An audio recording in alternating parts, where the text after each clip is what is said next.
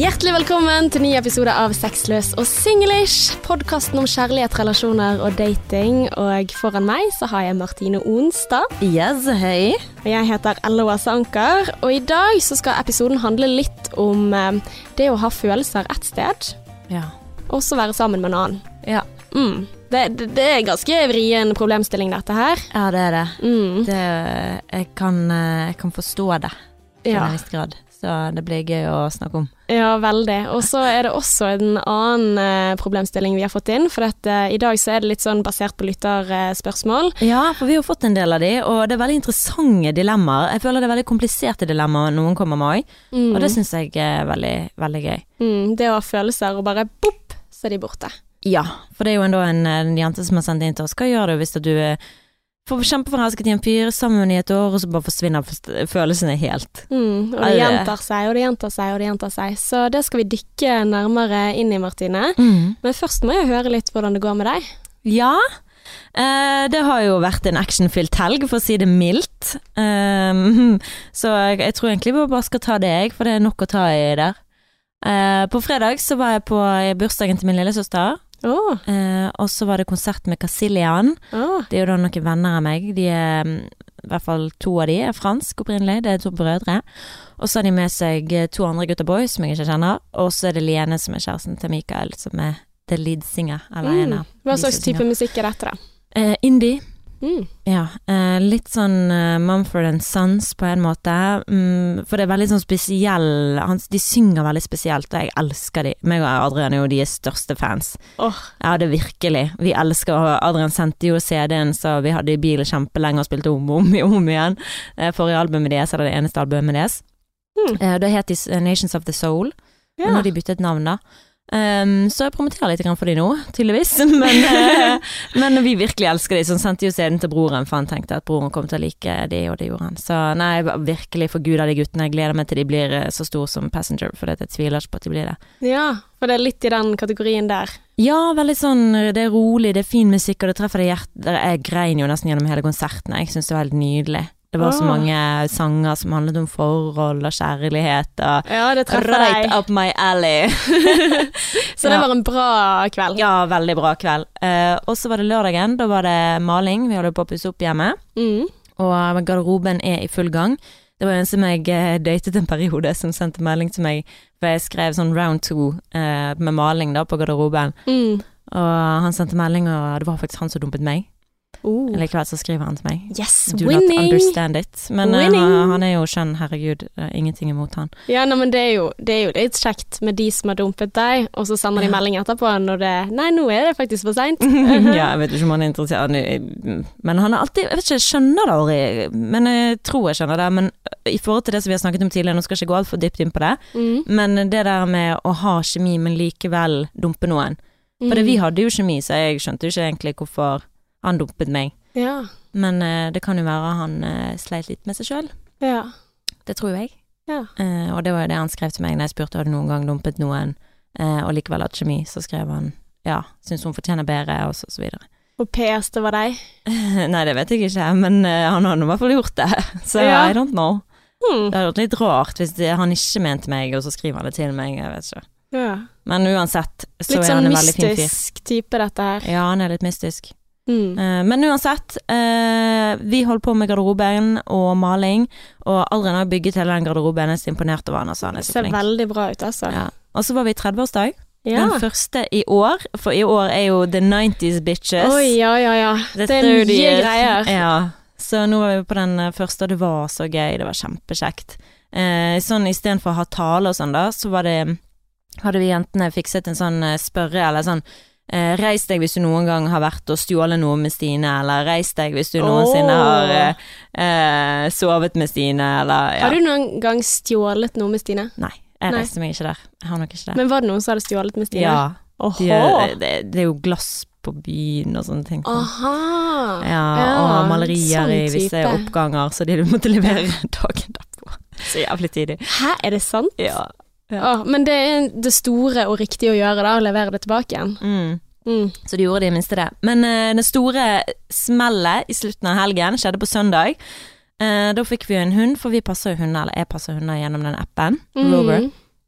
Og så fikk vi en hund uh, hos oss, og han er Vi bare begge to bare 'herregud, dette kommer til å være den mest perfekte hunden vi har hatt', for han var så snill og lydig og Ja, vi bare elsket han. Det var love at first sight. Mm. Så går vi på tur ute i regnet, og så gikk jeg faktisk og tenkte sånn Det er jo sånn uvitenhet før du vet, altså du, du vet ikke før du vet med sånne ting. Jeg tenkte faktisk det når vi var gikk turen, da, at uh, du vet jo ikke om han egentlig er så bra som vi tror han er. Altså hunden. Ja, hunden, ja. Ja. Før vi faktisk finner ut av det.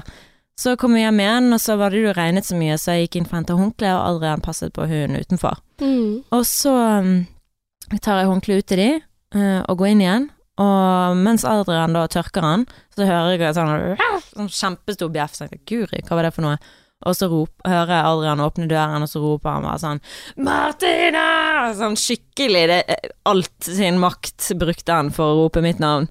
Og jeg bare sånn Helsike, hva som skjedde nå? Det er sikkert uh, Altså, jeg visste ikke hva jeg skulle tenke. Mm. Uh, og så kom jeg ned, og så ser jeg hånden hans, så har han bitt Adrian så mye at du ser inn til beinet. Det var så stort uh, kjøttsår at det Ja. Ja, du viste meg bildet i sted, ja. og jeg tenker Ja, Ikke det vis var- det. nei. Ja. Ja, ja Å, Adrian var jo, begynte jo, var jo likbleik i ansiktet, sant, holdt på å svimle.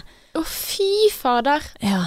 Eh, Så da, jeg vet ikke hva som har skjedd, eh, men nå måtte vi på legevakten og hive oss i bil. Jeg ble jo så stresset. Jeg sto jo der i trusen, sant, for jeg var så vått på buksen, så jeg måtte jeg skifte bukse. Så jeg sto der bare, han bare, ta på deg en bukse, så vi kan komme og hente et håndkle som er vått. Jeg bare, ok, et håndkle som er vått. Og så jeg var det jo helt sånn, oh my god, kom oss til legevakten. Men hva gjorde dere med hunden da når Han satt i bil. ja. Måtte vente i bil. Um, ja, men altså sånn For jeg hadde jo blitt redd. Altså Å ja, ja, nei, um, jeg tror han skjønte at han hadde gjort noe galt. mm, Og hans, Adrian sier at han er veldig rolig nå rundt han. mm. Eh, I motsetning til starten, hvor han kanskje kunne leke litt mer, så nå er han veldig sånn forsiktig. Men så jeg tror han vet at han har gjort noe som han ikke skulle. ja. Eh, på å si det til han. Det der må ikke du gjøre. Må være snill. ja. Fy fader. ja. Men da gikk dere til legevakten. Hva Ja. skjedde på legevakten? Så da var vi der, og så jeg sovnet jo i stolen der, for vi var jo der i tre timer. Men vi kom heldigvis inn med en gang, på det var åpent sår og sånn. Det må jo Mm. tilfelle bakterier Å, og sånn. fy faen. Så han fikk eh, sydd noen sting, men han klarer jo ikke å bevege på hånden, så han måtte jo være hjemme fra jobb i dag. Å, fy faen. og så um, Ja, så vi var der i tre timer, fikk sydd noen sting og må tilbake på onsdag for å sy det ordentlig igjen, da. Sånn at sørge for at det ikke kom noe oppi Men det verste var liksom når man måtte ta hånden oppi en sånn balje med desinfiserende. Bare tenkte jeg liksom det åpne såret oppi en balje, men sånn, du vil jo ikke det. Å, stakkar. Mm. Gråt han? Nei, men han er så skjønn. Det er sånn, Når han er syk, så er han på sitt beste. Det samme med meg. Jeg tror han tenker det samme om meg, for han er så søt, og han blir som en liten guttung og bare vil ha kjærlighet og omsorg og sånn, og så blir jeg sånn Å, nå er du så søt! Men jeg er akkurat lik, så han blir liksom verdens søteste med meg når jeg er er syk, og jeg blir verdens søteste han når han er syk, og vice versa. Så det blir bare sånn, Mm. det er egentlig bare superkoselig. For Ja. da kom jeg hjem, og så var han hjemme, og så så vi film, og Så du må være litt såret, på en måte. Litt nede for ja, telling. Ja, en, altså, Ja. Hvis en av oss er sånn veldig sånn underdanig eller veldig sånn mm, 'Du må passe på meg', så det er sånn OK. og vi er jo begge alfa, sant. Veldig sånn 'Jeg skal styre, jeg skal styre'. Men når den ene er syk, så blir det automatisk sånn at den andre passer på. Mm, careful with that. ja. Men uh, hva skjer nå, da? Altså, Bor hun fortsatt hos dere, eller? Ja, han kommer jo vi, han, vi sendte jo melding til eieren og spurte dette normalt. At dette. Han sa nei, det har aldri skjedd før, og nå fikk jeg vondt i meg, skjønner godt hvis dere vil ta ham på kennel, gi meg en lyd. Men hva gjør dere, da? Nei, foreløpig tar vi har jeg han. Altså, han er jo kjempegrei. Han er jo Mm. ikke noe vanskelig å ha med å gjøre. Han er jo kjempelett. Jeg har jo med meg på jobb, og han har vært med på oppdrag med Kjellemann i dag, og Så vi har jo fartet, og fartet rundt omkring, så han er mm, utrolig grei å ha med å gjøre. Så jeg kan ikke skjønne hvordan det kom fra. Det må ha vært usikkerhet og redd for et nytt sted, og hva skjer, skal jeg ikke Mm. få lov å komme inn i huset. Kanskje bare usikker. Mm. Um, Du er et så- godt menneske, altså. Nei. Jo, men altså, jeg hadde Ja, jeg er ikke sånn tunnemenneske, da, men for jeg er veldig usikker på hunder. Altså, jeg, jeg skjønner det ikke. De er Mm. så gira. Og ja, da liker jeg bedre den der avvisende katten, da, som av og til eh, ja, gir meg litt kjærlighet. Da, Mm. da føler jeg meg bra. Men jeg Men, syns det, jeg eh, syns det er sykt at eh, sånn noen steder, sånn i Frankrike, så avliver de jo hunder. Jeg vet ikke om det har vært sånn i Norge òg? At de avliver hunder som biter? Trodde det var vanlig. Jeg syns jo det er helt sykt. Jeg synes jo det er kjempeslemt. Altså, det er jo ikke hundene sin feil hvis det er noe som gjør at de er blitt redd, sant? så må jo de kunne få lov til å bli tilgitt. Sant? La oss si at du var på byen og slo til noen, skulle liksom bli drept du da fordi du har slått noen eller bitt noen. Det er jo helt sykt. Men det kommer jo litt Tenk hvor mange som hadde blitt uh, Tenk eh, han ene fyren fra rapperen fra Bergen, han faen meg blitt drept så mange ganger hvis han uh, skulle blitt fulgt den regelen der. Folk som slår folk ned på gaten bare fordi de tror de er verdens kuleste. Og så Og så skal hunden bli avlivet fordi han biter fordi han er redd i en eller annen situasjon. Mm. Nei, vi fortjener ikke dyr. Så det Og Adrian har ikke vært sint i det hele tatt. Nei.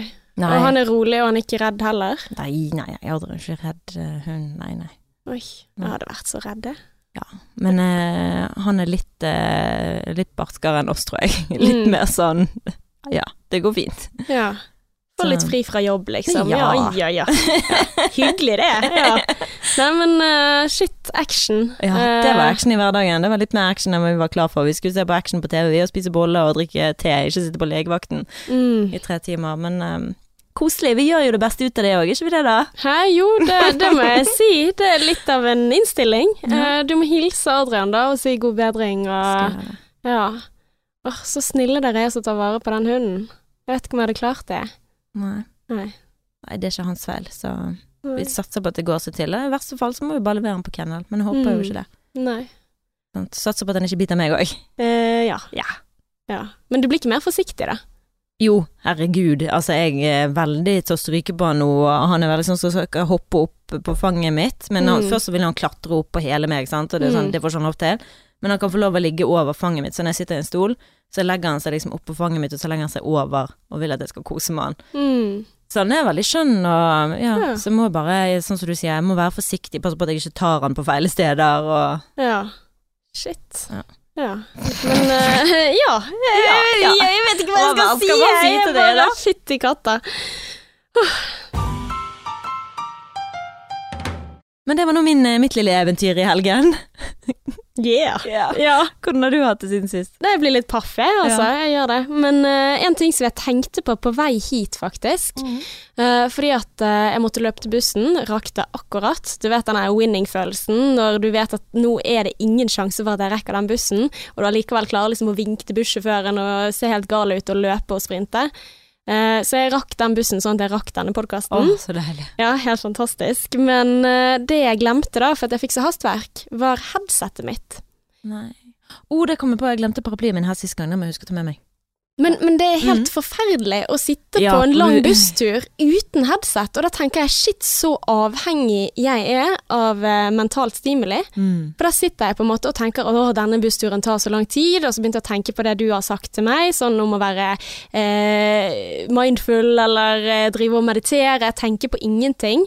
Og jeg prøver å tenke på ingenting, og så kommer det tanker, men de tankene er ganske kjedelige. Altså, jeg har det med at jeg har stimuli hele tiden. Jeg sjekket på mobilen min. Hvis du bare gjetter, hvor mange timer tror du jeg har hørt på podkast siden eh, 24. desember? Altså på én måned. Hvor mange timer tror du jeg har hørt? Mm, Bare gjett. Ok, 16.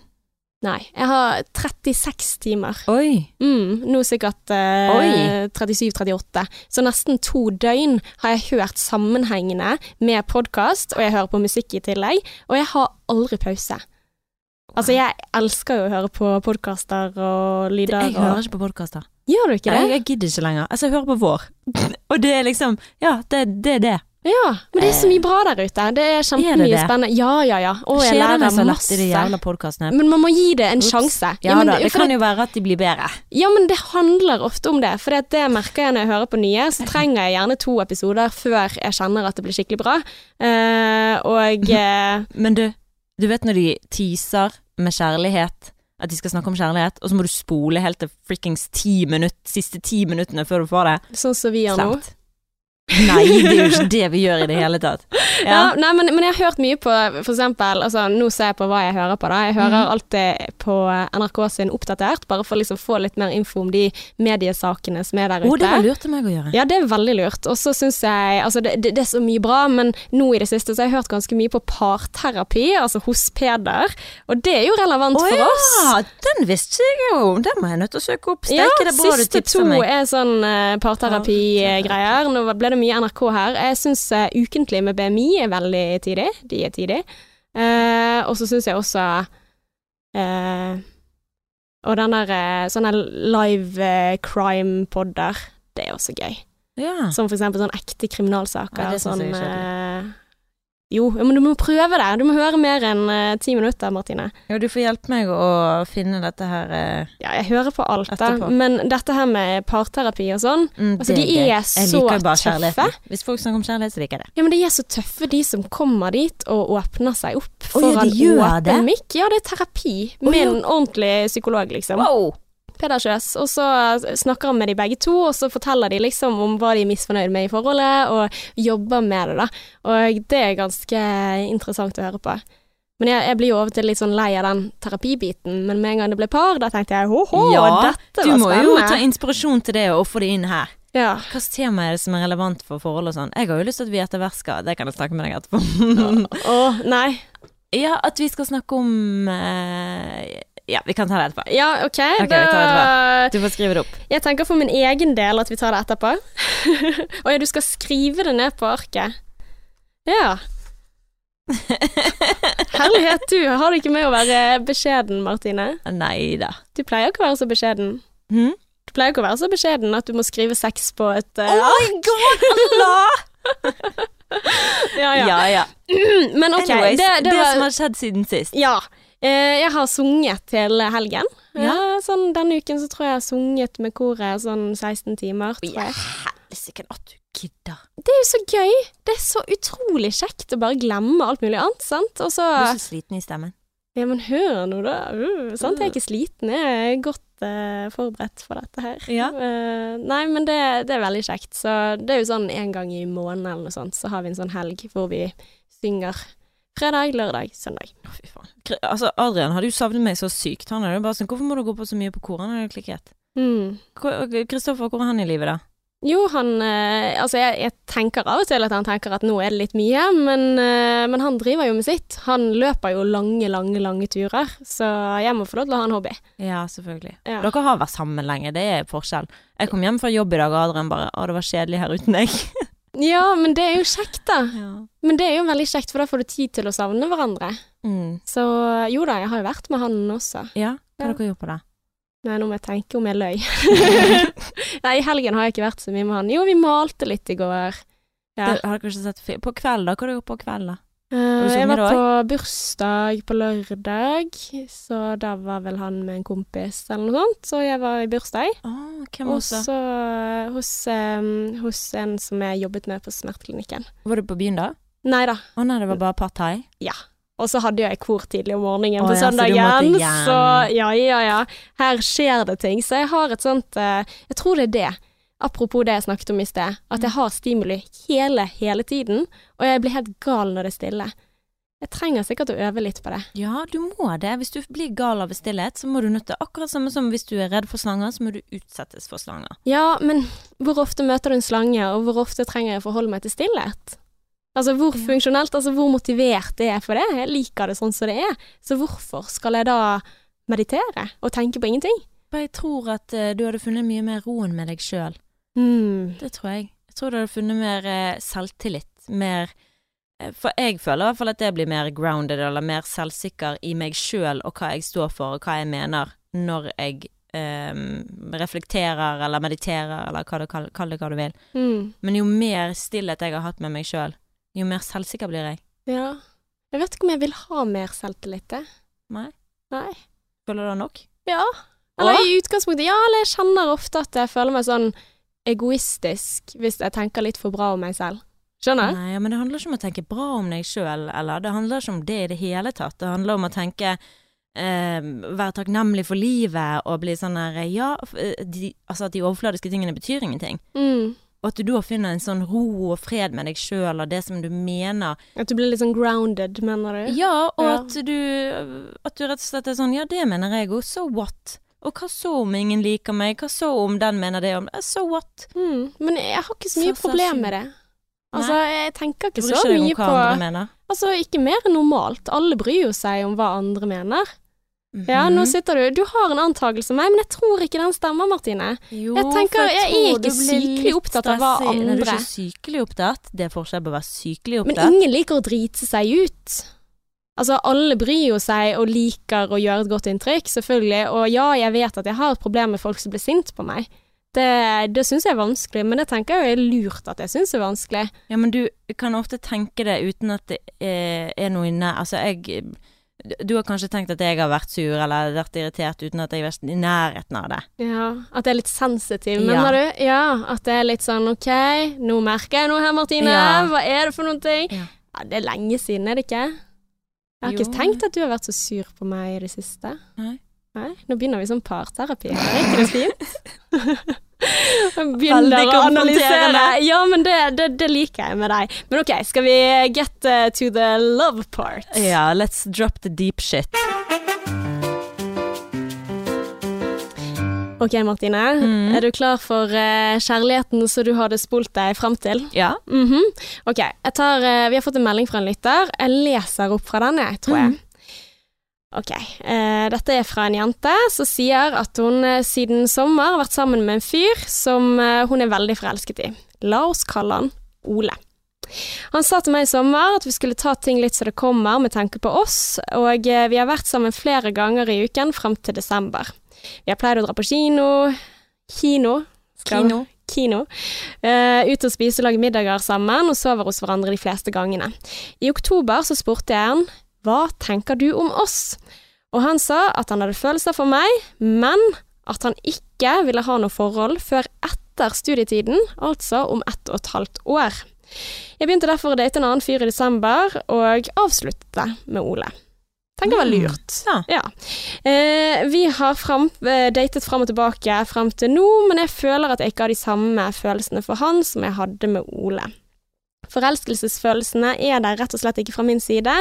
Jeg vet at han som dater eh, meg nå, har følelser, men det eneste jeg tenker på, er at jeg vil tilbake og være med Ole, selv om han ikke ønsker noe forhold. Håper dere har noen gode råd og tips til en håpløs forelsket jente i begynnelsen av 20-årene. Nei, men altså, Ole kan jo bare drite i. Det er jo, han er jo long gone. Han bryr jo seg ikke. Hvorfor i all verden skulle han ville være med han? Det, det er ikke noe håp der. Det er jo ikke det. Det er ingen som bryr seg, og genuint bryr seg om deg, og som du kan ha stole på. Hvis du skal velge han her, så er jo da målet for alle forhold er jo til døden skiller oss ad. Som Mm. regel, da. Ikke det? Jeg vet ikke. Altså Sånn som vi snakket med Benjamin om i forrige episode, så var jo det her og nå-fokuset han Ja, tenkte på, man iallfall. håper jo Man går jo ikke inn i et giftermål og tenker at ja, ja, slår vi opp, slår vi opp. Jeg skjønner at liksom Mm. ting kan skje, men du håper jo at man klarer å holde sammen, og at forholdet er altså Det er ikke Mm. vits i å være sammen. Ja, ja, selvfølgelig. Sånn at du håper jo at det skal vare, og at det skal være dere to. Og da tenker jeg sånn, med Ole så får du jo ikke det. Du kommer ikke til å få en trofast fyr som eh, Jeg har i hvert fall ingen tro på det. Selvfølgelig kan jeg ta feil, og han kan være en av de der eh, millionene i statistikken som Mm. bare Wow, han bare trengte å ligge fra seg i studietiden. Men det er jo helt sånn fucked up. Det er sånn Ok, vi skal vente på Ole, fordi at Mm. Ole har lyst til å ligge fra seg i studietiden. Så kanskje jeg kan være Jeg kan bare sitte her og vente jeg, til vi er ferdig med studietiden. Mm. Nei, det Ja, det er, jeg tenker at det er en dårlig sånn. Det er en veldig sånn dårlig gjort strategi av Ole. Ja. Så sier det at jeg har følelser for deg, men jeg vil vente ett og et halvt år. Altså, hva faen er det for noen ting? Fordi han vil ligge fra seg, ferdig snakket. Uh, og det, det, det bare syns jeg det, det, sitter ikke godt hos meg. Mm. Men, men altså, altså, jeg har jo altså, Bare for å prøve å forstå dette her, annet enn at det er ferdig snakket på at han vil ligge fra seg. Altså, for jeg husker jo det når jeg møtte min kjæreste. Så møttes jo vi første året jeg gikk på studiet. Og jeg har jo tenkt inni i disse ti årene vi har vært sammen, og det er jeg sikker på, eller det har vi snakket om sammen, at uh, på et eller annet tidspunkt Ja, men hadde det ikke vært bedre om vi møttes om fem år, og så kunne vi på en måte Ikke, ikke, ikke på grunn av noe behov for å ligge fra seg, eller det, det har ikke jeg peiling på hva han tenkte på, men, men det er jo det at i en sånn studietilværelse så er det mye ting som endrer seg. For eksempel så vil du dra på utveksling, eller så vil du flytte til en annen by, og så er det mye som har skjedd, og så vet du ikke helt eh, hva skal jeg gjøre med livet mitt. Altså det er en sånn fase som alt kan skje, og det er jo kanskje det som gjorde at vi var litt sånn åh, måtte vi treffe hverandre nå, liksom? Det hadde jo vært perfekt, for du er jo den jeg har lyst til å samarbeide med resten av livet. Men akkurat nå så er jo det vanskelig, for at du skal finne ut av deg, og jeg skal finne ut av meg. Eh, vi fikk jo det til å funke, og har jo levd i avstandsforhold og alt mulig sånn, men jeg skjønner liksom kanskje tankegangen til Ole som kanskje handler om noe annet enn å bare ligge fra seg i løpet av studiene. Det kan godt hende at han skal reise på utveksling og sånne ting, og da er det vanskelig å ha en som venter på deg hjemme, men det som han gjør som jeg tenker er jævlig dårlig gjort, det er jo faktisk å holde den døren på gløtt. Han sier at ok, dette passer ikke akkurat nå, men jeg vil veldig gjerne ha deg til etterpå. Mm. Og da gjør han noen ting med følelsene til eh, håpløst forelsket jente i begynnelsen av 20-årene, eh, som jeg tenker ikke er ok. Mm. Eh, er du med meg på den, at det kan være flere grunner? Ja, men til syvende og sist så velger han jo da å ta sjansen på at hun finner en annen og alt dette her. Mm. Han tar sjansen på å miste henne. Ja. Det syns jeg er litt sånn Jeg ville i hvert fall ikke vært nummer to, eller vært den som Og jeg tror det er fare for at han kommer til å bruke Eller at hun kommer til å bruke det, la oss si de blir sammen, da. Mm. Og så bare sånn Du lot meg vente, du. Du vet jo hvordan vi damer er. Man kan gå gjennom den driten, men seinere så blir det brukt mot de, så jeg har vært der i hvert fall. Jeg har gjort det Mm. både med Kristoffer Oi, unnskyld, der sa jeg navnet hans. Ja ja. Jeg gjorde det med eks, samme det. Jeg gjorde det med eksen min, og jeg har gjort det her. Hvis jeg da har følt Hvorfor gjorde du egentlig det? Hvorfor gjorde det? Vi torturerer deg når vi har deg. Mm. Nå har jeg deg, så nå kan jeg torturere deg for det du gjorde i begynnelsen når jeg ikke turte å si noe. Ja. Så jeg tror ikke dette kan lede noe sted. Nei, er altså, liksom- så du, du mener at det å straffe folk for valg de har tatt før, at da vil det ikke funke? Ja, altså jeg tror at det, altså det Du kommer til å kjenne på det når du først har han. Ja, du er sånn, du vil liksom gjøre alt nå, men når du først får han og er trygg i det forholdet, la oss si du hadde blitt sammen med Ole igjen, Mm. eh, så tror jeg at du hadde kjent veldig på det der bitterheten til slutt. Mm. For det forelskelse går over, så enkelt er det bare. Jeg snakket med to venninner i helgen, dette er litt eh, interessant, inne på noenlunde det samme greiene. Mm. Eh, og da sa hun ene bare Jeg kunne ønske at jeg følte det samme for ektemannen min. La meg si hun eh, nettopp giftet seg, nærmest. Mm. Jeg kunne ønske jeg følte det samme for han som jeg gjorde for han som jeg var forelsket i på ungdomsskolen. Mm. For det der var jeg virkelig sånn at jeg kunne bare Jeg kunne sittet liksom og bare sett på han og bare vente på bare få se han. Eh, liksom, det var bare De følelsene var bare helt insane.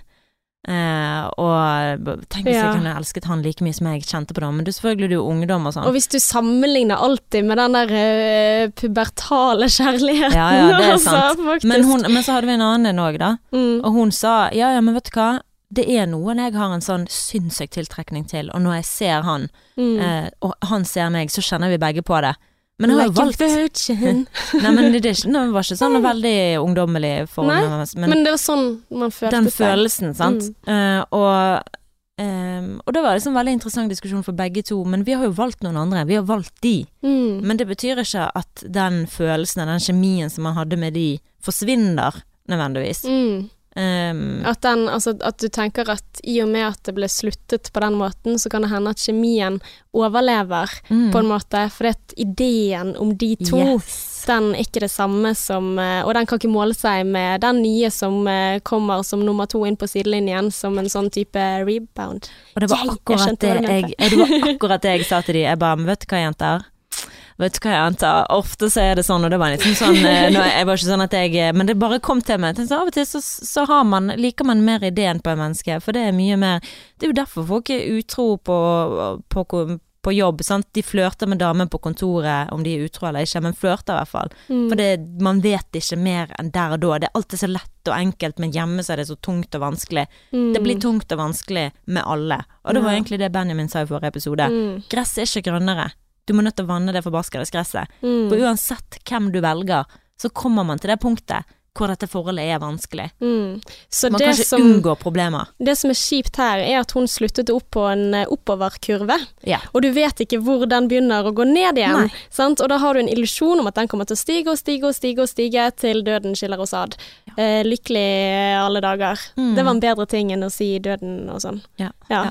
Men, ja, nei, men, eh, men altså, dette her er jo en jente som sitter i et, litt av et dilemma. For jeg tenker jo at hun eh, skjønner jo dette her som vi snakker om nå, at dette var ikke nødvendigvis det sunneste forholdet, for det virker som at han ville holde henne litt på vent og ha henne, men allikevel ikke ha henne helt, og ville liksom ha henne, men ikke forpliktelsespakken. Mm. Og da gjorde hun det som jeg tenker at uh, var veldig riktig for henne, å si ok, men det er ikke godt nok for meg, yeah. you go girl.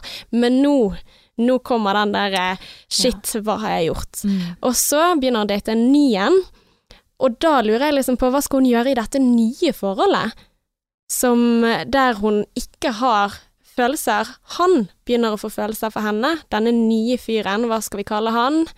Eh, Marius. Marius. Ja, hun dater Marius, og han Han liker henne skikkelig, skikkelig godt. Mm. Men hva er det hun gjør mot han igjen? Mm. Ja, nei, jeg eh, tenker jo at hvis du er i et forhold hvor du ikke har noe særlig følelse, det er jo det er jo tricky, da. Det er vanskelig å gi råd på disse tingene, eller for det er mm. så forskjellige problemstillinger, sant. Ja, men Noen, vi, kan jo, vi, kan jo, prøve å ikke gi råd. Altså Greia er at vi kan reflektere rundt det og snakke høyt om det, og så er det på en måte Ja, jeg har ikke lyst til å gi noe råd, ikke si sånn 'det må du gjøre, det må du ikke gjøre', for det, det har ikke vi peiling ja, på. Men jeg syns det er vanskelig å Ja, ok. Um, men hva, hva syns du? Selvfølgelig, ja Ok, prøv å gi et råd, da, så kan jeg si hva jeg mener om det rådet. Nei, altså, jeg eh, Det som jeg tenker umiddelbart, er jo bare dumt dump den nye personen, men det kan jo være at ting forandrer seg. Mm. Jeg kan jo da snakke av egen erfaring, hvor jeg gikk inn i det med Adrian og var veldig usikker, mye mm. på grunn av fortiden holdt meg tilbake, eh, og um, jeg hadde en sånn eh, Jeg sa det til Adrian den dagen, og dette er veldig sånn um, og det blir veldig ærlig å si, men òg veldig sånn Jeg vet ikke, men jeg kan bare si det. Jeg følte meg Jeg følte at eh, jeg var oppbrukt etter han i boken. Altså, jeg følte at jeg var brukt opp, mm. og at eh, jeg aldri kunne elske noen på den måten igjen, da. Men det er jo bare en illusjon, og jeg vet det, men det var for sånn jeg følte meg, så jeg tenkte det spiller ingen rolle, rolle hvordan resten av livet mitt går. Altså, det spiller ingen rolle hva jeg gjør resten av livet, for nå har jeg allerede vært på det beste. Ja. ja. Så jeg tenkte liksom, uansett hvem jeg blir sammen med nå, så spiller det ingen rolle. Men, men ikke det Det er jo veldig trist. Ja. ja. Men det var for sånn, jeg følte meg brukt opp. Jeg følte liksom Det var det. Altså, det var sånn den kjærligheten jeg kom til å føle på. innenfor kjærlighet, på en måte. Ja, bare ja. sånn Det blir ikke bedre enn det. Ja. Den følelsen kommer jeg alltid til å få med noen andre. Og det Altså, den følelsen, nei, den får jeg ikke. Men det var jo likevel ikke en sunn, det var mer sånn mm. avhengighet av en av, av noe som ikke var til stede. Mm. For det var jo bare en, en, en, side av en person som jeg fikk mm. oppleve. Jeg fikk jo ikke oppleve hele personen. Mm. Jeg fikk oppleve det som han ville vise meg. Mm. Som dette var på en måte boken. sånn Ja, dette er han fra boken. Og ja, det bare It fucked me up. Mm. Real bad. Burde sikkert gått til psykolog, men jeg gjorde aldri det. Um, never too late. Never too late, nei. Nei, jeg føler ikke at jeg trenger det nå, altså. Nei, jeg ehm, tenker ikke det, jeg heller. Nei, jeg gjør ikke det. Men mm. jeg kan skjønne den følelsen av å føle at du på en måte er tilhører noen andre. Mm. Men det er ikke Det er bare noe som foregår ja. oppi hodet vårt. Så der må du liksom skille mellom er disse følelsene du hadde for eksen din, og denne jenten her har for Ole, er det sunne følelser, eller er det usunne følelser? Mm. Og det er jo det som gjør det så veldig, veldig vondt, da, mm. tenker jeg. Og la meg bare si det. Eh, det er òg eh, smart å tenke litt sånn daddy issues, og eh, være veldig ærlig med seg sjøl. Og tenke sånn hvor kommer disse følelsene fra, hva er det jeg egentlig liker her, hva er det jeg egentlig ser her, er det denne mannen, er det kjemi, er det noe som trigger mine triggers, eller hva du skal Er det noe som trigger noe i meg? Ja. Sant? Er det, hva er det egentlig jeg ser på her? Ja. Så det er jo Ja. Det er jo tydeligvis en eller annen mann her som eh, ikke vil gi hele seg, da. Holder litt på vent, ja. og han hekter henne. Ja. Og det var jo det jeg følte skjedde med meg òg, sant. Ja. Uh, at uh, vil gjerne ha beundringen, vil gjerne ha uh, litt, men ikke alt. Mm. Ja. Det passer faktisk litt til til noe forskning jeg kom på her. Oh, ja. Ja, altså dette her med å bli hektet, da. For jeg tenkte på det, apropos når jeg hører på mange andre podkaster, nå husker jeg ikke hvor jeg hørte det, men jeg kom til å tenke på hvordan dette her blir så avhengighetsskapende, på en måte. Dette her med kjærlighet. Og man ser jo på, på en måte på Altså hvis vi skal tenke liksom på læringspsykologien, hvordan er det eh, belønning former hva vi gjør? Og det har jo de forsket på lenge, altså på 60-tallet, med dyr, og funnet ut ok, hva er det som funker, som får eh, rotter og duer og forskjellige dyr til å gjøre en viss handling når de får belønning. Og hvis vi ser på på en måte kjærligheten, altså det den andre gir, vi ønsker anerkjennelse, vi ønsker bekreftelse hos andre, så, så, gjør vi noen ting for å oppnå den. Og så er det liksom hvor ofte man gir den belønningen. Mm. Eh, hva, hva, hva, skjer når den belønningen slutter? Og det har de liksom funnet ut med rotter og sånn, at hvis du eksempel de skal løpe fort på en mølle, og så får de belønning ulike Når de har gjort det, så får de belønning hver gang, og så har de målt det mot de som får belønning liksom annenhver gang, eksempel. Og når de slutter å gi belønningen, hvem tror du løper raskest på den møllen? De som fikk belønning hver eneste gang, eller de som fikk det av og til? Mm, de som fikk det hver gang. Nei. Nei. Når de sluttet, så, så, ga de opp veldig mye fortere ja, enn de som Så litt av effekten der Vet de ikke som, du vet når du får det. Ja. Ja. At de, de, løper mye lengre da enn de rottene som ikke gjorde det. Samme når de trykker på en spake. Altså mm. dette her er litt sånn eh, Selvfølgelig er et mye mer komplekst fenomen når du snakker eh, om rotter versus mennesker, men jeg tenker at det er litt sånn interessant da å se på hvordan belønning former oss. Mm. Og de som bare gir av og til, sant, gir lite grann, så må du jobbe mye hardere for å få det igjen, men du vet at hvis jeg jobber hardere, så får jeg det igjen. Eller versus de som svarer på tekstmelding med en gang. Mm. Der, de har jeg tilgjengelig. Ja, det vet du. Ja. ja ja, gud, og, dette har vi snakket om før, faktisk. Ja. Og, og, men det syns jeg på en måte det, det, er så interessant å se hvordan belønning eh, former oss, mm. og også da i form av hvilken belønning er det vi vil ha hos en annen. Vi vil bli likt, ja. vi vil bli elsket, så vi derfor, vil ha bekreftelse. Og, vi, og, jeg tror vi vil ha den utfordringen, den største utfordringen som finnes. Vi vil, vi vil conquer, altså vi vil uh, vinne den mannen. Så når noen gir oss motgang, så vil vi bare ha det mer. Mm. For vi vil vinne. Men hvis de for eksempel Konkurranseinstinktet, humanit, human, uh, ja, humant ja. Men hvis de bare avviser, sant, mm. så er jo det på en måte ok, greit, da gir du opp en eller annen gang. Men hvis de har vært litt sånn sporadisk, ja. jeg vil ikke akkurat nå, mm -hmm. eller eh, jeg er veldig glad i deg, jeg elsker å henge, henge sammen med deg, jeg syns det er så kjekt når vi er sammen, vi har så bra sex, hurra, og så er det på en måte Men eh, det hadde vært så perfekt om ett og et halvt år. Mm -hmm. Og det tenker jeg på en måte, da gjør han noen ting sånn rent psykologisk som blir en sånn hekt, da. Fordi at han gir både avvisning og eh, belønning samtidig. Mm. Og det er mye vanskeligere å kvitte seg med enn de som på en måte man blir lei av. For at eh, ok, han, han, er tilgjengelig, sant, hvis du går lei av de, for eksempel. Så det, ja, jeg, jeg, tenker at det er ganske dårlig gjort det Ole holder på med. Mm -hmm. Men så lurer jeg på, det håpløst forelsket jente i begynnelsen av 20-årene gjør mot Marius, hva kan vi si om det? Altså, bør hun fortsette å date han? Som hun egentlig ikke føler det samme for, eller er kanskje hun blitt en som hekter han igjen? Det er jo litt sånn jeg tenker på. Kan det hende at fordi at hun er, er der for han, sant, men hun gir sikkert ikke hele seg, for hun er jo ikke over eksen. Mm. Ja, jeg tror det er veldig lurt å være ærlig med den, uh, Marius, jeg. Ja. Jeg tror det er veldig lurt å være mm. ærlig, og bare si det sånn som det er. Si jeg er litt usikker på oss, og se ja. hvordan det går. Mm. Uh, Istedenfor å på en måte bare ja. uh, Hvis Marius er litt smart, så ser han jo at det er noe som er litt gale. Mm. Og så jeg ville definitivt tatt det opp før jeg har helt Altså tatt det opp med han og snakket ut om det. Mm. Um, og så skal vi se om ett og et halvt år. Ja, men altså, jeg og Adrian tok det opp med hverandre ja. etter en stund at vi var veldig usikre på hvor vi Jeg husker han sa det først, og han hadde ikke gruet seg til å si det, for han tenkte at det kom til å um, skremme meg vekk og ødelegge alt. Sant? Og så var jeg bare sånn Oh my god, jeg er så glad du sa det. Mm. For jeg har følt at det var noe galt, og etter det så bare åpnet vi oss, og så ble det mye lettere. Mm. Og så, For det var jo avstandsdating, sant. Det var jo ikke mm. bare bare å vite hvor man hadde hverandre, og man har murer oppe. Det er så mye som spiller inn. Yeah. Så det, det, å si gjør det eller gjør det, men mm. Du må følge ditt eget instinkt, og det er derfor vi alle er nødt til å meditere og finne ro med oss sjøl, sånn at vi har vårt indre morale kompass. Mm. Fordi at hvis du hele tiden sitter på mobilen din, eh, ser på serier, eh, får masse input, sånn som Meg på bussen i dag. Ja. Altså, sant, hvis du får hele tiden input fra andre steder, så blir det kompasset ditt på innsiden veldig forvirret. Og da kan du styres av andre ting enn din egen eh, jævla fornuft. Mm. Så finn litt tid til å sitte en halvtime, 20 minutter, et kvarter eh, med beina i kryss og bare fokusere på å være.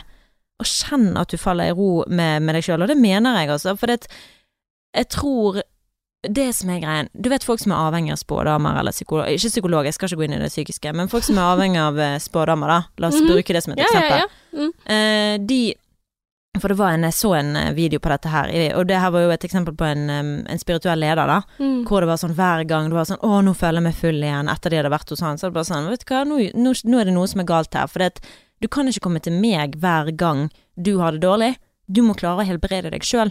Mm. Og det er jo det vi alle må, sant. For at vi ikke skal være avhengig av å få svar fra alle andre, eller råd fra alle andre. Mm. Det er så, tenk så mye lettere hvis du kan bare spørre deg sjøl og få et klart svar. Mm. Men det fins jo veldig sjeldent et klart svar, apropos det vi snakker om nå. Ja, ja. At det er ikke nødvendigvis noe riktig og galt, og det tror jeg gjør at folk blir jævla usikre. Ja. Men der er jo det på en måte sikkert viktig for denne jenten å reflektere over hva gir dette nye forholdet meg nå? Mm. Eh, er det noen ting jeg ønsker å være i?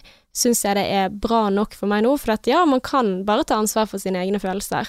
Jeg tenker selvfølgelig at jeg ønsker ikke at hun skal ja, eh, hekte han eh, Marius, på en Mm. måte. For det å, å holde han på sånn sidebenken i lang tid og egentlig ikke være interessert. Men samtidig, det kan jo, kan jo endre seg. Og det er også, hva er det for deg, da?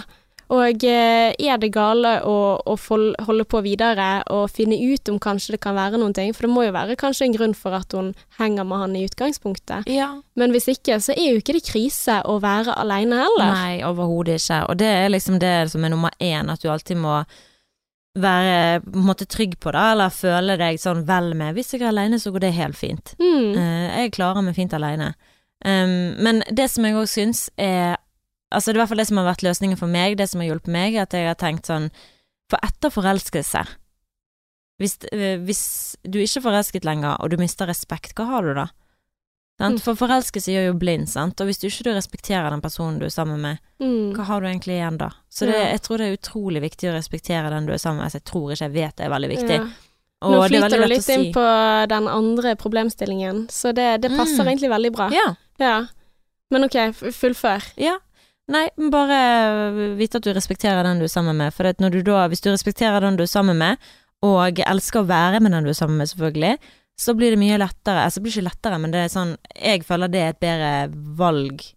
Lettere å gjøre det valget, sånn i forhold til eh, Adrian, for eksempel. Mm. Um, når ting var vanskelig i begynnelsen, så var jeg alltid sånn tilbake til den at jeg respekterer han, og det har gjort at jeg nå forelsker meg mer i han istedenfor det Mm. motsatte, som jeg har sagt mange ganger før. Ja, så den eh, respekten var der fra starten, da, så du var jo Mm. ganske informert, men den har jo men kjemien var ikke på plass Nei. fra starten, sant? Mm-mm. og det er jo det som kanskje blinder folk. For eksempel hun her, da. Hei, hei, jeg har et problem i livet mitt og trenger at noen kan reflektere litt over dette. Er det noen forskjell på forelskelse og det å elske? For problemet mitt er at jeg faller for menn, og de forelsker seg tilbake igjen.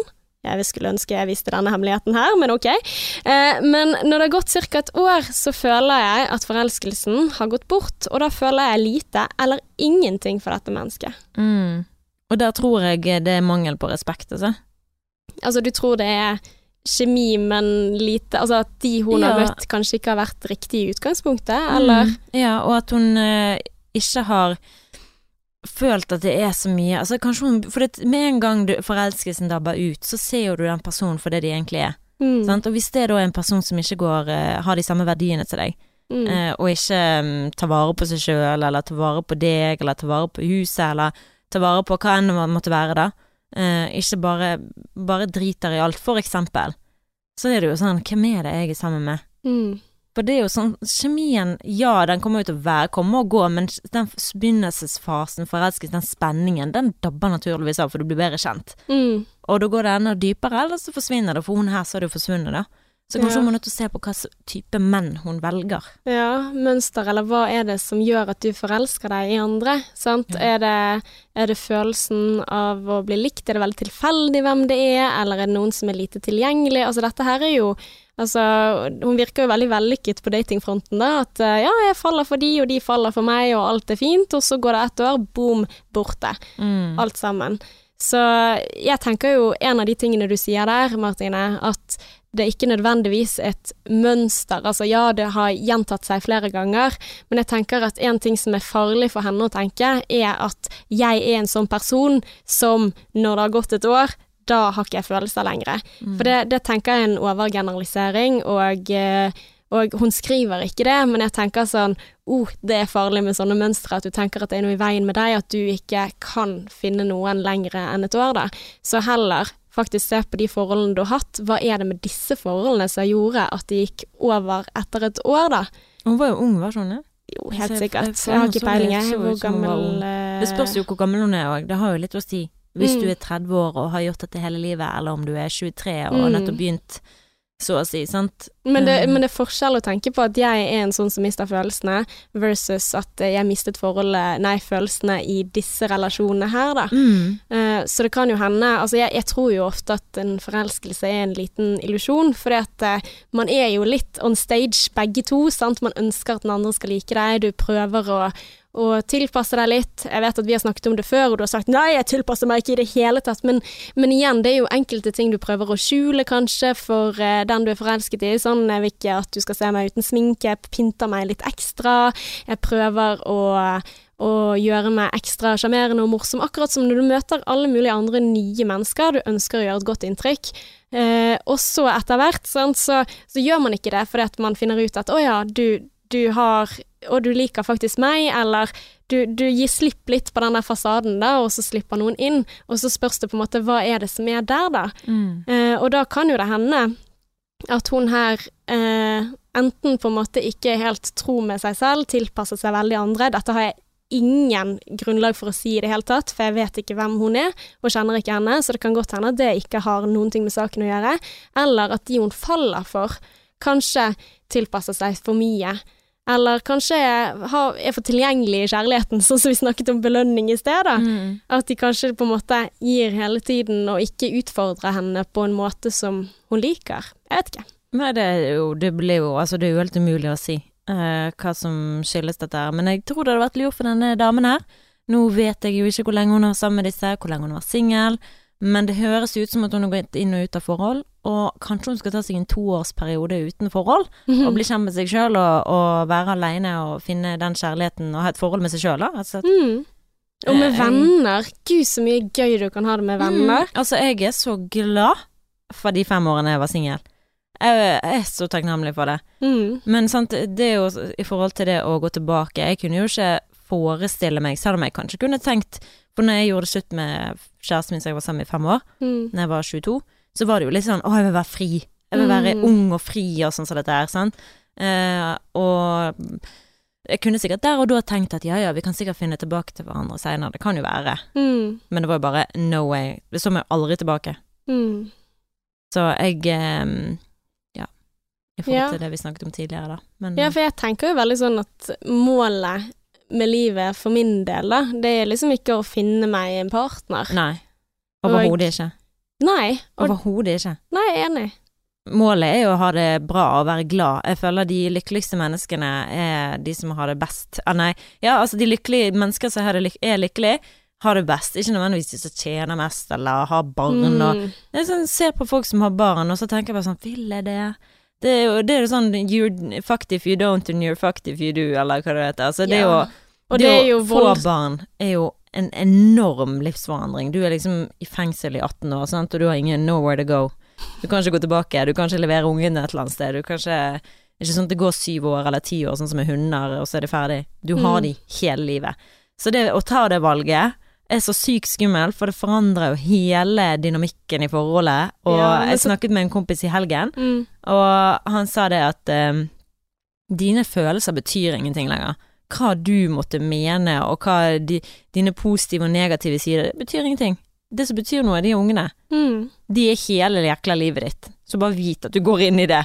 Men du kan jo, du burde jo begynne snart, da. Mm.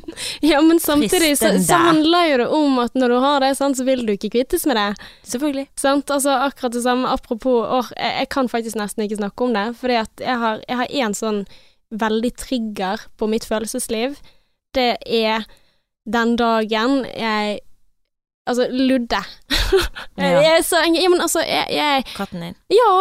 Altså, det at han er Han er faen 14 år. Oi. Eller 15. Oi. Ja. Han blir 15 i år. Hvor gammel kan de bli, egentlig? Nei, nei, det kan siste- bli Nei. Nei. Nei. Hvor gammel kan de bli? Kan bli jo langt over 20 år. Å Ja, ja, ja. Å ja. 30. Jeg møtte Nei. i USA Jo, jeg møtte en 26 år gammel katt i USA. Wow. Ja, Pearl. Men den sa ikke mjau lenger, og den hadde bare tre bein. Jeg tror kanskje at de har litt andre sånne regler på når er det på tide å si bye bye. Ja, i USA versus uh, her i Norge, men ok. Men han er noe å gå på. Han, han, er, han, er en, han er en ung fugl. Altså, han løper rundt. Ja, nei, han, han er en fin katt, altså. Men, uh, men jeg har liksom Jeg husker når jeg begynte å tenke på dette i utgangspunktet, da hørte jeg faktisk en podkast fra P2 som hadde en sånn egen reportasje om de som ikke ønsket seg kjæledyr, med visshet om at de skulle dø, da. Mm. Og, og da har jeg liksom jeg, jeg, jeg satt i bilen sammen med mamma, og vi satt der og gråt begge to, og hadde ikke slått meg at fy faen, den dagen kommer til å komme, og det er ikke så greit, på en måte, på samme måte som dødsfall i, i andre sammenhenger. Altså, det er liksom noen ting med det å sørge over et kjæledyr, sant? men jeg er så sikker på at jeg hadde vært så knust, og jeg kan, hvis jeg tenker på dette på kveldstid, jeg begynner å gråte, altså, jeg, blir, jeg blir så lei. Eh, ja, dette var off topic. Jeg Nei, nei. husker ikke hva nei. vi snakket om, men Nei, men det er jo viktig å, bare å, Det som vi snakket om, var å være lykkelig og være glad i livet. Sant? Og at ikke du kaster bort dager på noen du ikke har lyst til å være med. ja, det var veldig off topic, det jeg Nei, det snakket går om. helt fint. Ja, men uh, jeg hadde en eller annen sånn kobling til det. Ja. Men det, Men, uh... men det er uansett viktig, da. Å være glad i livet. Og Ja. bare sånn, du har vel lest det med Kobe, eh, NBA-spilleren, som døde i helikopterulykke i helgen. Ja, Eh, og, og datteren var om bord. Uff a meg. Ja. Det er tragisk. Det, det, det, men det er bare Jeg vet at det er mange som dør hver dag, og familier og alt dette her, og det her er ikke den eneste, men det bare traff meg rett i Mm. Og det var sånn nyhetene er. De bestemmer hva vi skal føle. De styrer oss Mm. som jækla dukketeater. Uh, men det er bare Jeg bare syns det var helt jævlig å tenke på. Jeg bare jeg klarer ikke å slutte å tenke på det, så jeg tenker på det hele dag. Uh, Mm. Bare at kona hans står igjen der, og de har tre barn eller fire barn til sammen. Oh. Og den 14 år gamle datteren var i det helikopteret med faren. Eh, Jeg bare, jeg bare tenker sånn, hva tenker skjedde i de siste sekundene? Visste de at de kom til å dø? Hva gjorde han? Da har man følt seg så jævla hjelpeløs. Sitter der med datteren din i helikopter og vet at det kommer til å krasje. Faen jeg vet hva. Åh, dette Jeg tok det. en dyster Jeg vending. vet det, men jeg, bare, jeg må bare snakke om det, for jeg bare Ja. syns det er helt jævlig. Og samtidig så er det bare sånn, gud, det er så viktig å ikke krangle om bagateller. Det er Mm. så viktig å respektere ditt eget liv Mm. så mye at du velger å ikke bruke tid på noen som stjeler Mm. eh, Stjeler av tiden din, eller som ikke respekterer deg, eller som du ikke respekterer. Bruke tiden på folk som gir deg noe. Mm. Om det så bare er deg sjøl, Mm. la så være. Men Ja. bare ikke kast bort tid, for det, det er jo det vi har, og så er det over. Mm. Plutselig er det over. Det kan være over i morgen for alt vi vet. Ja. Det kan være at ikke vi kommer til podden neste uke. Nei, ja, bank i bordet. Ja, men det var snakk om det med å leve alene versus å ha noen, og jeg tenker at det å velge seg en partner, da, bare for å komme tilbake igjen til eh, tråden, eh, det, det må jo gi noe utover det du har ellers, på en Mm. måte. En kjæreste skal ikke du få for å redde redde deg. Og apropos eh, hun med Ole Marius-problemet, sant. Altså, hvis Marius er en for å bare få deg opp av den dumpen du er, eh, altså for å unngå en kjærlighetssorg, på en måte, så må du finne ut, ok, hvem er denne Marius, på en måte. Gir han meg noen ting som er bra på en eller annen måte, eller er det en sånn måte å bare uh, unngå å være aleine? Ja. Så tilbake til forskjellen mellom å elske og være forelsket. Mm. Har du en setning du kan eh, oppsummere det på?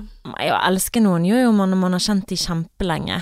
Ehm, jeg elsker jo Adrian, men jeg føler jo at jeg elsker han dypere og dypere. Sant? Det blir jo en Mm. helt egen kjærlighet, Mm. uh, fordi at du respekterer de, uh, fordi du um, du har bare en sånn dypere nærhet, fordi dere kjenner hverandre inn og ut, sant. Mm. Uh, mens når du er forelsket, så er du forelsket i en idé. Du er forelsket i en eh, slags kjemi eller en, eh, en tilknytning som egentlig ikke er realistisk, men altså, den er ikke der. Mm. Den er der sånn følelsesmessig, men den Ideen om hva dere kan bli, og når Ja. det kommer til hva det du kan bli, elske, så er det det du er. Sant? Å være forelsket, da vet du egentlig ikke hva som kommer til å skje. mm. For du er i en sånn fase hvor man holder på å bli kjent, og man vet ikke om det kommer til å føre til å elske. Mm. Og det er jo dritstress. Mm. Altså, og det glemmer vi ofte. Altså Hvis man tenker tilbake igjen 'Å, det var så fint på ungdomsskolen, og jeg bare kunne se på han', og så 'Å, gud, sant, så fin han var, og jeg var så forelsket', og alt mulig sånn. Men det å være i den tilstanden der, det er så stress. For man er jo man overanalyserer alt, sant. Eh, Mm. Svarte de på melding nå, eller hvorfor svarer ikke han nå? Han har jo sett uh, meldingen, men uh, hvorfor får jeg ikke svar? Eller å, kanskje jeg har sendt feil, og så finner du alle mulige ideer, og så er hele selvverden uh, den avhengig av hva den ene personen syns om deg. Mm. Altså, du er jo i ubalanse, så bare husk det. Ja. ja. Men jeg, jeg tror Slitsomt å være forelsket. Men det er det, og jeg eh, har det mye bedre nå enn jeg var på en måte i startfasen med Adrian og var litt sånn nyforelsket og ble kjempeglad for hver melding. Mm. For nå, jeg blir fremdeles glad for når jeg ser navnet hans, når jeg får meldingen, eller hvis han ringer meg, så blir jeg liksom jeg blir så glad for at han ringer meg. Apropos å gjøre meg avhengig, han har sikkert gjort meg avhengig ved å liksom svare av og til, og sånt, men han gjør ikke det bevisst, da, sånn som andre gjør. Eh, Jeg har ikke sånn at han gjør det for å få meg til og sånn og sånn, Mm. men han bare er litt dårlig på det. Ja. Men det må være greit, det òg. Men det har i hvert fall gjort at jeg er veldig setter pris på når han faktisk gjør det, eller når han sender melding, eller når han gjør noe skjønt. Mm. Da blir ikke det en del av hverdagen Ja. på den samme måten. Men hva skal du nå, da? Skal du hjem til din uh, Ja, nå skal jeg hjem til hubby, og vet du hva jeg skal lage til middag i dag, Ella? Nei? Nei, jeg skal lage noe som jeg tok fra mitt eget hode. Eh, for jeg tenkte nanbrød har jeg lyst på, men jeg har ikke lyst på noe indisk. Så det jeg bestemte meg for, var å lage nanpizza. Så googlet jeg og se om det eksisterte, og det er det gjort. Og jeg tenkte nanpizza med søtpotet. Eh, så jeg tenker jeg skal ta nanpizza. Jeg fant en oppskrift som skal lage litt min egen, da. Mm. Men eh, sånn nanbunn, og så smør og hvitløk som man gjerne gjør, for dette er godt. Oh. Og så skal jeg ha crème fraîche. Mm. Og så skal jeg ha søtpotet, skjære opp søtpotetskiver. Mm. Og så skal jeg ha mm, ost og pepperoni. Jeg aner ikke om det kommer til å bli godt, men jeg er veldig nysgjerrig på å finne ut av det. Men søtpotet, koker du den før du putter den på pizzaen, Nei. eller steker du den inne med pizzaen? Nei, du skal steke, men jeg tror kanskje jeg skal koke den litt, for jeg er litt redd for at den ikke skal bli myk nok. Ja, Så jeg kommer nok til å koke den litt i forveien. For den må jo gjerne stå inne i 20 minutter Ja, i ovnen, og en pizza pizza skal ikke inn i 20 minutter. Nei, det er helt sant. Så jeg kommer nok til å koke den i, i forkant. Mm. Så det gleder meg til å prøve noe Middag er det beste med livet, ass. Ja, det er så godt, i hvert fall når du finner Når du har lyst på noe, og du bare sånn Å, det skal jeg Mm. lage. Jeg har lyst på alt akkurat nå. Nei, mozzarella, ikke vanlig ost. Mozzarella oppå. Og kanskje litt cheddar. Og ikke, ikke pepperoni, men sånn her spekeskinke. Å, sweet. Ja. Tar du det det på det. før eller etterpå? Før. Ja. Og du gjør det etterpå? Nei, jeg tar 50-50. Oi, For da får du én crisp og én eh, Ja. Veldig lurt. Mhm. I will do this. Oh. Hva skal du i dag, da? Nei, eh, jeg er litt sånn usikker. Jeg har eh, en date. Vi skal ut og løpe. Hvem? Jeg og kjæresten min. Og skal dere? Ja, vi, vi hadde avtalt det. Tenkte det. Å, fy flate, du er så tøff. Jeg gidder fakaten ikke etter vi gjorde men det. Nå glemte vi den, vi skulle ha den løpeepisoden. Ja. Det må vi gjøre neste gang, da. Ja. Vi må ha den løpeepisoden. ja, vi må høre igjennom om det er eh, interessant eller ikke. det er det. Ja, det er gøy. det? Ja, vi skal ha den løpeepisoden. Ok. Ok, takk. Jeg har veldig lyst til det. Det, Men det kan faktisk hende at vi kommer opp på bane i dag, Martine, hvis du vil Nei. hive deg på. For da, da kommer du til å se tårer. Ja, nei, Intervall, da kommer tårene. vil ikke løpe. Nei. Nei. Jeg skal ligge under dyna og se på film med kjæresten min. Mm, koselig. Men jeg skal lage middag også, da. Og så sikkert uh, rydde litt og Ja. Det er det derre evige prosjektet, det å ha et hus eller en leilighet. Fy fader, blir aldri ferdig. Du får en hund som kan bite kjæresten i hånden, så blir han litt sånn eh, slapp, og så vil han gjøre noe, og så er alt dere må gjøre, se på film sammen, og så får du drømmelivet. Uff a meg. Nei, det var Ja. kødda. Don't do this at home. Nei, men uansett, vi skal straks ha livepod, og hvis ikke du allerede har kjøpt billetter, så håper vi så inderlig at du kommer til å gjøre det nå. Å, det hadde vært så hyggelig. det nærmer seg den 19. februar, Mm. så det, det er bare en liten Det er ikke en måned engang, det er tre uker. Ja, og det er rett etter Valentine's Day. Oi! Ja, for da hvis den f.eks. har gått dårlig, så trenger du å se på oss. Eller har gått, den gått veldig bra, så trenger du også å se på oss.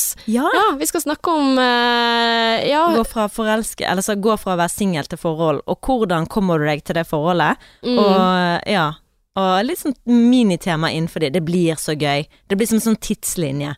Av. Fra forelskelse til forhold og etablert og hva nå.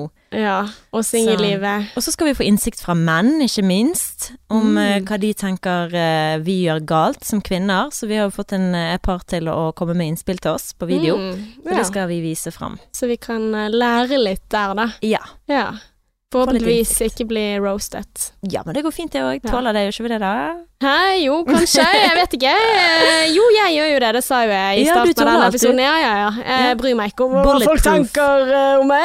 Jeg tenker ikke det i det hele tatt. Eh, Ja. Nei, men vi trenger litt støtte. Så eh, hvis du har lyst til å komme, så koster det 150 kroner. Det er klokken ni. Lille Ole Bull i Bergen. Eh, ja. 19. februar. 19. februar, gå og kjøp billettene dine altså på Suli, så gleder jeg meg til å se deg der. Skal gi deg en kyss og en klem. Ja, og så ligger det også link på vår Facebook-side. Ja. Og så ligger det kanskje i bioen på Sexdress og Singlish sin Instagram. I så Mhm. fall Ja, OK, for det er fikset. Og den ligger i hvert fall i min. Jeg skal sjekke. Vi skal fikse, Vi skal det fikse på det. Ja, eh, sånn at når og du hører Singlish. denne, så er det fikset. Så kan du gå inn, så kommer du direkte inn på billetter, og vi blir så glad hvis du kommer. Ja. Trenger litt sånn backing, for dette har vi ikke gjort før. Det er helt sant. Og det som er morsomt, er at jeg var og kjøpte gave til min søster forrige uke etter podden. Eh, forrige uke, og snakket med Ella på telefon. Og så snakker vi om dette her, at vi skal ha livepod. Og så sier hun da, men bare Karsten, jeg har lagt på med deg.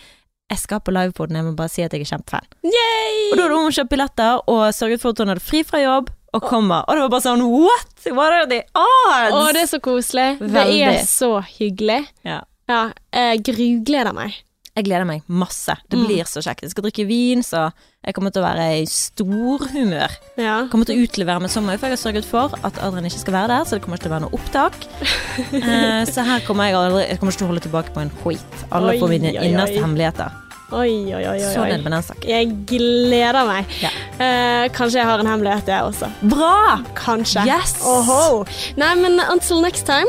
XOXO.